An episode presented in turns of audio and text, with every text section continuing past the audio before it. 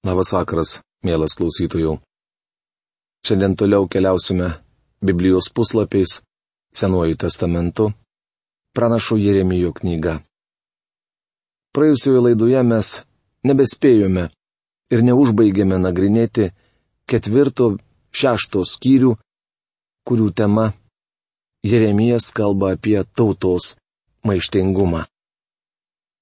Po maldos mes užbaigsime nagrinėti paskutinę temos dalį. Judas atsisako klausyti. Dangiškasis Dieve, Tėve, mes dėkojame tau už tai, kad šiandien galime vadintis tavo vaikais dėl darbo, kurį tu pats savo sunuje Jėzuje Kristuje atlikai. Ačiū tau, kad tu viešpate palikai dangų ir šlovę. Atėjai ir patapai vienu iš mūsų ir priėmiai viso pasaulio nuodėmės ant savęs. Būdamas šventas ir teisus savo noru, atidavėjai savo gyvasti ir buvai palaidotas. Trečią dieną keliais iš mirties ir buvai paimtas iš lovę. Dėkojame tau, kad visa tai mums šiandien apreiški. Ačiū tau, kad tu mus tikinčiuosius paženklinai savo šventąją dvasę ir mes galime suprasti tavo žodį, neišeidami už ribų to, kas parašyta. Ačiū tau, kad tikėjimas į mūsų širdis ateina, kai klausome tavo žodį ir paklūstam jam. Prašome, kad šis vakaras nebūtų išimtis ir tavo galybės žodis prasiskverbtų į mūsų širdis ir atliktų tą dvasinį širdžių apipjaustimą, kurio negali padaryti niekas kitas. Ačiū tau už Izraelio tautos istoriją, kurią dabar galime studijuoti, už pranašo Jeremijo laikus ir už tai, kad tu pašaukiai šį vyrą pranešti mums nuostabę žinę. Dėkojame tau, kad tu veikiai tuo laikotarpiu ir šiandien esi toks pats. Prašom, padėk mums suprasti tai, ką skaitysime ir tuo gyventi. Meldžiame viešpatės Jėzaus vardu. Amen. Taigi Judas atsisako klausyti. Kaip jau minėjau, ši Jeremijo ištarmė baigėsi šeštame skyriuje. Nuo mažiausio iki didžiausio, visi iki vieno jie gopšų savanaudžiai. Nuo pranašo iki kunigo, visi jie apgavikai. Jeremijo knygos šeštos skyriaus trylikta eilutė. Kaip matome, tuo metu visa tauta buvo užvaldęs godumas. Ta pati nuodėmė šiandien valdo ir mūsų tautą žmonės gviešiasi aukso bei sidabro, geidžia turtų, šlovės ir artimo žmonos. Dukters, mano tautos žaizdas jie tik apgydo kartodami viskas gerai, viskas gerai. Nors nėra gerai. Jeremijo knygos šeštos kiriaus keturiolikta eilutė. Kaip jau minėjau, Jeremijo tarnavimo pradžioje vyko išorinė reformacija. Judas apgydė kai kurias žaizdas, tačiau tai buvo tas pats, kas ant vėžio naviko pabarstyti pudros miltelių ir sakyti, jog žmogus sveikas. Jie kartojo, viskas gerai. Arba kaip verčia profesorius Algirdas Jurienas, taika, taika tačiau taikos nebuvo. Šiandien taip pat daug kalbama apie taiką, bet aš manau, jog iš tikrųjų artėja galutinis konfliktas. Girdėk žemę. Šiai tautai štai siunčiu nelaimę, jų pačių piktų pinklių vaisių, nes jie neklausė mano žodžių, atmetė mano įstatymą. Jeremijo knygos šeštos skyriaus devyniolikta eilutė. atmetę Dievo žodį, jie atstumė patį Dievą. O kai žmogus atstumė Dievą, įvyksta kažkas baisaus. Atmestuoju sidabru jie bus vadinami, nes viešpats juos atmetė. Jeremijo knygos šeštos skyriaus 30 eilutė. Dievas sako judo žmonėms. Jūs atmetėte mano įstatymą, todėl aš atmesiu jūs. O kai tai padarysiu, jūs atstums ir visas pasaulis. Įdomu, ar ne? Tai išsipildė Jeremijo dienomis, pildosi ir šiandien. Norėdamos įsigyti draugų visame pasaulyje, Junktinės Amerikos valstijos išleidžia milijardus dolerių, tačiau didelis ir piktas pasaulis šios tautos nemėgsta. Tikriausiai jums kyla klausimas, kodėl taip yra. Jie atmetė Dievą, todėl Dievas atmes ir juos. Tai labai rimta žinia, kurios nederėtų praleisti pro ausis. Jeremijo knygos 7-10 skyriai. Tema - Įspėjimas skelbiamas viešpaties namų vartuose. Knygos dalyje nuo antro iki šešto skyriaus skaitėme pranašystes, kurias Jeremijas skelbi pirmus penkerius savo tarnavimo metus.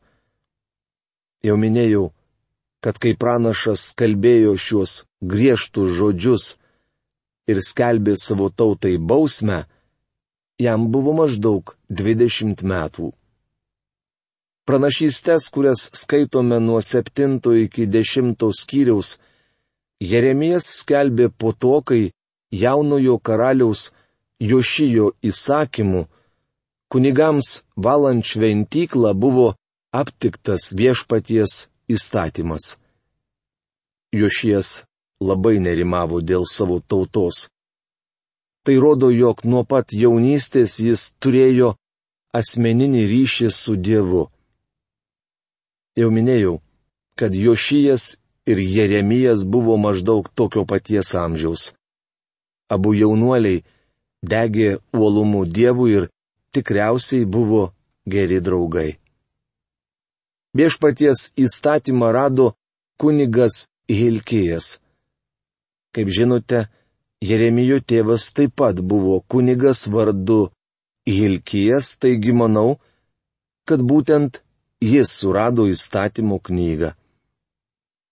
Po to, kai šventykla buvo restauruota, iškuopta ir vėl naudojama, Jeremijas atsistojo viešpaties namų vartuose ir pranašavo savo tautiečiams. Tai prasideda septintas šios knygos skyrius. Jeremija pasiekė viešpaties žodis. Atsistok viešpaties namų vartuose ir ten paskelbk šį žodį. Visi judėjai, kurie einate pro vartus pagarbinti viešpaties, išgirskite viešpaties žodį. Jeremijo knygos septintos skyriaus pirma antra eilutės. Atsistok viešpaties namų vartuose. Galbūt kas nors pasakys, kad panaši pranašystė yra užrašyta 26 Jeremijo knygos skyriuje. Šios pranašystės iš tiesų yra panašios, tačiau atkreipkite dėmesį, jog tuomet pranašas skelbė žinę, stovėdamas ne viešpaties namų vartuose, bet kieme. Be to tai vyko kito karaliaus valdymo dienomis, tačiau žinia skelbiama abiejose pranašystėse yra panaši. Tai reiškia, jog Jeremijo požiūris į šiuos dalykus nepasikeitė. Kai šventikla buvo restauruota, ir Hilkijas surado įstatymo knygą, į maldos namus ėmė plūsti būrei žmonių. lankyti šventyklą tapo populiaru. Ir judėjai ėmė kalbėti apie grįžimą pas Dievą. Nugirdę žmonių kalbas, jaunasis Jeremijas paskelbė dar vieną žinę. Raginimas taisyti kelius. Taip kalba galybių viešpats Izraelio Dievas. Taisykite savo kelius ir darbus, kad galėčiau būti su jumis šioje vietoje. Jeremijo knygos septintos skyriaus trečia eilutė. Nors tuo metu judėjai grįžo į šventyklą ir dalyvavo garbinimo apieigose, jų gyvenimas nesikeitė. Tai reiškia, kad jie gyveno taip pat, kaip anksčiau, kuomet garbino stabus. Kitaip tariant, tuo metu vyko tik išorinis prabudimas. Vėliau jis įgavo gilesnę prasme, tačiau iš pradžių tai buvo tik paviršutiniškas judėjimas. Jeremija neramino toks tautos nusistatymas. Nepasitikėkite nepagrįstą viltimi, sakydami, tai viešpaties šventikla, tai viešpaties šventikla. Jeremijo knygos septintos skyriaus ketvirta, penkta eilutės. Galite įsivaizduoti, kaip žmonės vertino visą, kas vyko. Jie šūkčiojo. Tik pažvelkite į šventyklą, argi ji negraži, kaip puikiai restauruota. Gera vėl ją lankyti. Matote, Tauta džiaugiasi galėdama grįžti į šventyklą, tačiau nesigrėžė į Dievą širdimi. Tai pastebėjo ir Jeremijas. Jis sakė, nepasitikėkite nepagrįsta viltimi arba, kaip verčia profesorius Algirdas Jurienas, melagingai žodžiais. Jūs elgiatės taip, tarsi galimybė vėl lankyti šventyklą. Jums svarbiau už viską pasaulyje.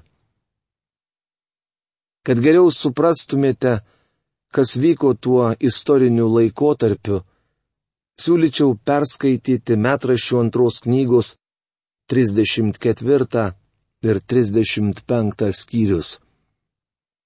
Reikia pasakyti, kad tuo metu iš tiesų vyko nuostabūs dalykai. Hilkijas padavė įstatymo knygą Šafanui o šis perskaitė ją karaliui. Karalius sušaukė visus judo ir Jeruzalės seniūnus ir liepė jiems perskaityti įstatymą tautai. Tuomet judėjai sudarė sandūrą viešpaties akivaizdoje.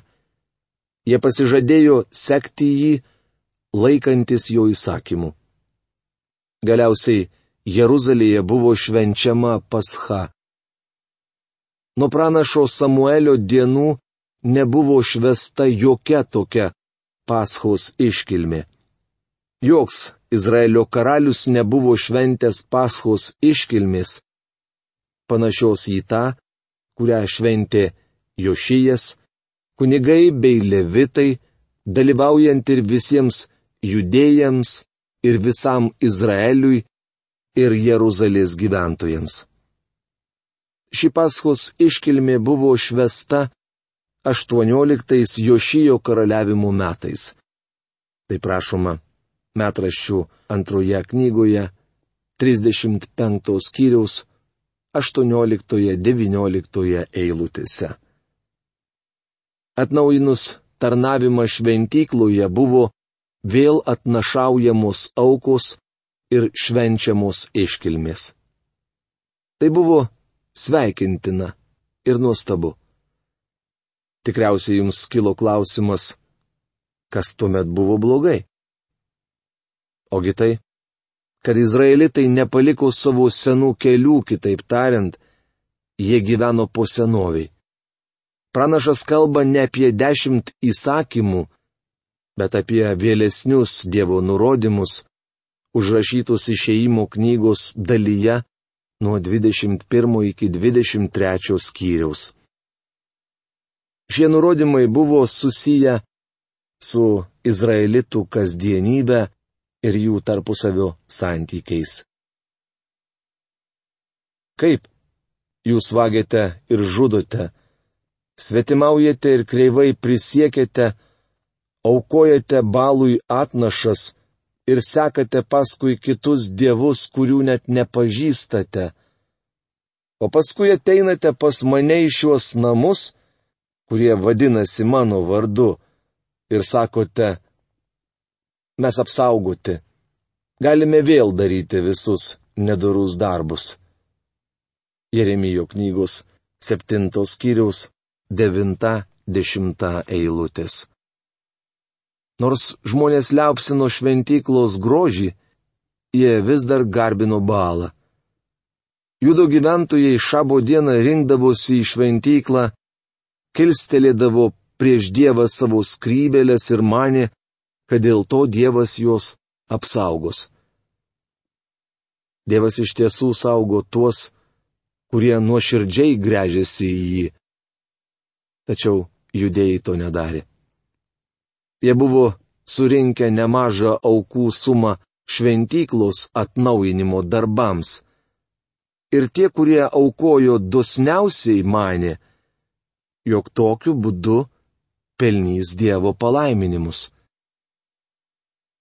Jeremijo knygoje užrašyta žinia yra nepaprastai aktuali ir mums. Po antrojo pasaulinio karo Amerikoje nuvilnijo prabudimo bangelė. Į kai kurių evangelistų susirinkimus suplaukdavo minio žmonių. Tuo metu aš pradėjau Biblijos studijas, kurios, kaip teigia kai kurie šaltiniai, buvo lankomos gausiau už visus kitus viduryje savaitės renktus tarnavimus. Pastoriai sakydavo, kad bažnyčios lankomumas išaugo dvigubai ar net trigubai.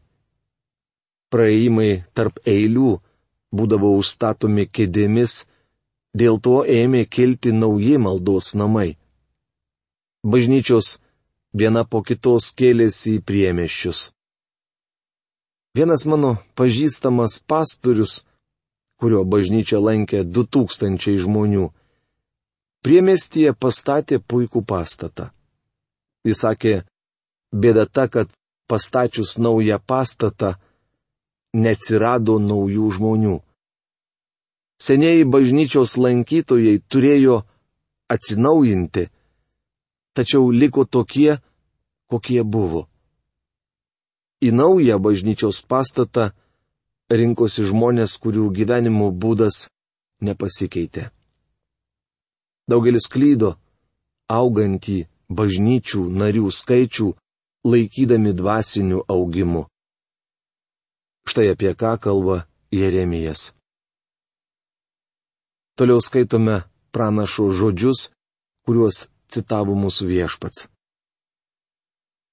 Argi tie namai, kurie vadinasi mano vardu, netapo jūsų akise plėšikų lindinė? Žiūrėkite, juk ir aš matau, kas darosi. Tai viešpatė žodis. Jeremijo knygos 7 skyriaus 11 eilutė. Ta pati kaltinimą girdėjome iš viešpatės Jėzaus lūpų, kai jis vyjo iš šventyklos prekiautojus ir pinigų keitėjus. Jeremijo dienomis Dievas vadino viešpaties namus plėšikų lindinę, nes visą savaitę žmonės plėždavo savo brolius, o šabo dieną pamaldžiai traukdavo į šventyklą. Jų įpročiai darbe ir tarpusavio santykiai niekiek nesikeitė. Ir šiandien žmonės galvoja, kad didelės religinės rinkliavos ar suvažiavimai turi kokią nors vertę. Man tai neaktualu, nes aš nepriklausau jokiai organizacijai. Kai kuriems žmonėms patinka organizacijos ir suvažiavimai, bet man ne. Bėda ta, kad Dažnai žmonės painioja entuzijazmą su Dievo dvasios veikimu. Nors apie tai kalbėti nepopuliaru, bet turiu pasakyti, jog toks reiškinys anaip tol nėra prabudimas. Tikras prabudimas keičia žmonių gyvenimus. Džono Veslio inicijuotas Anglijoje vykęs judėjimas keitė žmonių gyvenimus. Toje šalyje jis vos nesužlugdė alkoholio pramonės. Šio prabudimo dėka pasikeitė darbo sąlygos fabrikuose ir įsigaliojo vaikų įdarbinimo įstatymai. Tai buvo dvasinis judėjimas, radęs atgarsį tautos gyvenime. Aš noriu išvysti, kaip dvasinis judėjimas pasiekia neturtingų žmonės. Kai vyriausybė, vykdydama vadinamasias socialinės reformas, bando padėti skurdžiai gyvenantiems žmonėms, įvairiems projektams skirtas lėšas į savo kišenes susižiūrė sukti valdininkai. Mums reikia tikro prabudimo, nes tik jis gali pakeisti vargšų gyvenimą. Būtent apie tai anuomet kalbėjo pranašas Jeremijas. Galite įsivaizduoti, koks jis buvo nepopuliarus tarp savo tautiečių. Šis vyras vienišas stovėjo šventyklos vartuose ir skelbė žinia iš Dievo. Nors pranašas sielvartavo dėl negandų, kurias turėjo pranašauti savo tautiečiams. Tačiau jis ištikimai skelbė Dievo žodį. Kaip jau minėjau, tai sukėlė dalinį prabudimą. Kitoje laidoje toliau kalbėsime apie bausmę, kuri ištiko juos už stabmeldystę. O šios dienos laidos laikas baigėsi. Iki malonaus susitikimo. Sudė.